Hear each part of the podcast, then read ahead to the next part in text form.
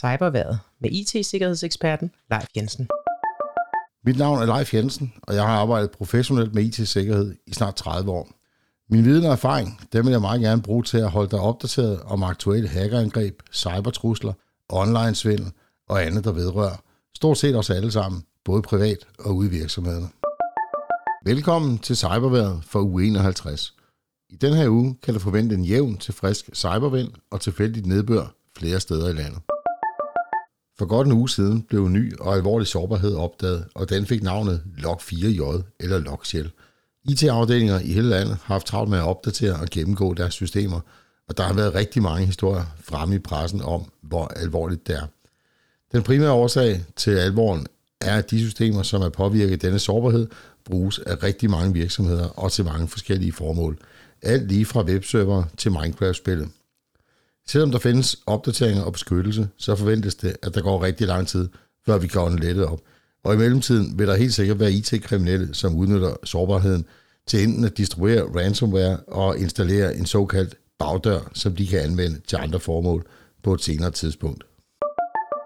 Som nævnt i sidste uge i cyberværet, så blev hotelkæden Nordic Choice for nylig udsat for et såkaldt ransomware-angreb. Mediet Digi.no skriver, at gruppen bag ransomware og angrebet nu har offentliggjort data, de har stjålet i forbindelse med angrebet. Dette er blandt andet data på omkring 13.000 personer, fra receptionister til hoteldirektører og køkkenchefer. Og listerne, listerne indeholder informationer om løn, personnummer, bankkonti, adresser og telefonnummer. Hotelkæden oplyser, at der ikke er indikation på, at data om private gæster skulle være lækket. Mediet Computer World skriver, at Frederiksberg Kommune er blevet politianmeldt for brud på datasikkerheden, og datatilsynet er klar med et bødekrav på 100.000 kroner. Brudet er foregået i den kommunale tandpleje, hvor en selvbetjeningsløsning har givet samværsforældre med fælles forældremyndighed adgang til beskyttede oplysninger, herunder adresseinformation, selvom barnet var registreret med adressebeskyttelse.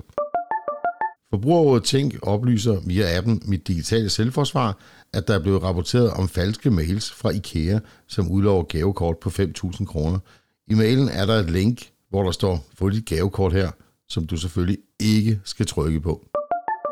Forbrugerrådet Tænk oplyser ligeledes, at der i øjeblikket udsendes falske mails, som udgiver sig for at være fra Powers kundeservice. Afsenderen skriver, at hun er nyansat og er ved at rydde op i gamle sager – hvis du besvarer mailen, så får du en ny mail med besked om, at du har et gavekort til gode og et link, du skal trykke på. Du skal selvfølgelig ikke svare på mailen. Bare tryk slet. Her hvor mange af os går og venter på de sidste pakker, vi har bestilt på internettet, i håbet om, at de dukker op inden jul, er svindlerne i fuld gang med mails, der udgiver sig for at være fra fragtfirmaer, som for eksempel PostNord, GLS, DHL, DAO osv., og siger, at din pakke koster lidt ekstra i forsendelse, samt et link, hvor du kan betale 20 kroner eller deromkring, for at få din pakke frigivet. Det er selvfølgelig svindel, og det eneste du skal gøre, er at trykke slet mail. Sidst men ikke mindst, så er tiden ved at være kommet til at skifte fra NemID til det nye MitID. Mange danskere er lidt usikre på, hvordan de skal forholde sig til dette skift, og det ved de kriminelle altså godt. Så hold øje med både e-mails og sms, du modtager om dette emne i den kommende tid, som forsøger at få dig til at gøre et eller andet i forhold til at skifte til mit idé. De er med stor sandsynlighed falske. Skiftet fra NemID til mit idé foretager du inde på din netbank, og er du i tvivl om, hvordan du skal gøre, så kontakt din bank direkte. Det var cyberværet for denne gang. Vi er tilbage igen med en ny cyberværetudsigt på næste mandag. Tak fordi du lyttede med.